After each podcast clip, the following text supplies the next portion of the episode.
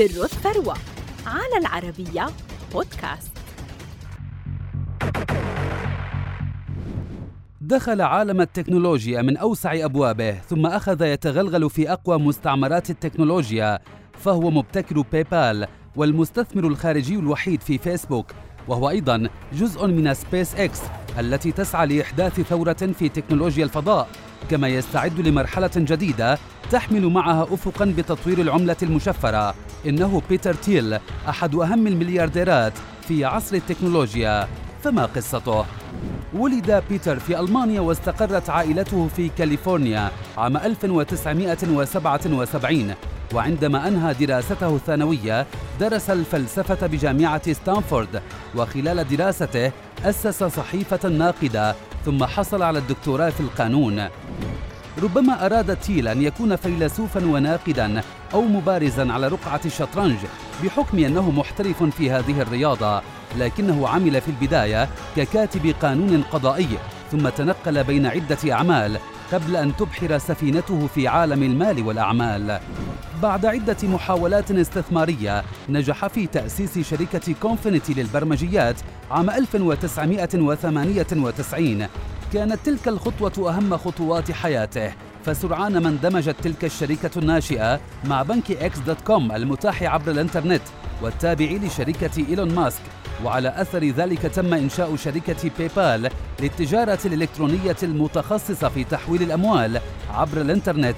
وأصبح بيتر تيل الرئيس التنفيذي ورئيس مجلس الإدارة.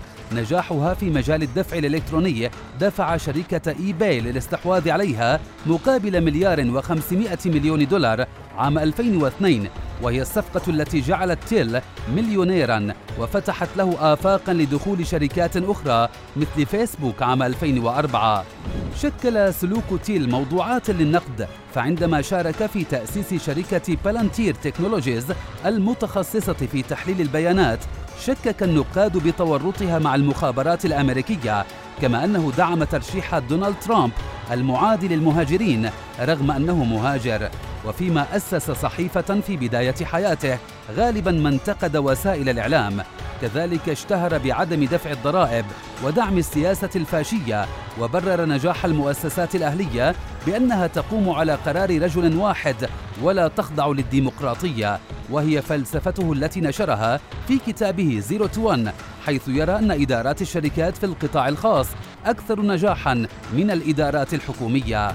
في أوائل عام 2018 وصف سان فرانسيسكو التي كان يعيش فيها بأنها تحت سطوة الحزب الواحد وانتقل تيل إلى لوس أنجلوس كما باع معظم حصته في فيسبوك في فبراير عام 2022 ربما كانت شخصية تيل ومواقفه مثيرة للجدل لكن أحدا لا ينكر أن مبتكر بايبال نجح في حجز مكانة له في عالم المال والأعمال ولا أحد يعرف ما هو الجديد الذي قد يأتي به للعالم. ذلك الملياردير الذي جمع ثروة تقدر بأربعة مليارات ومئتي مليون دولار.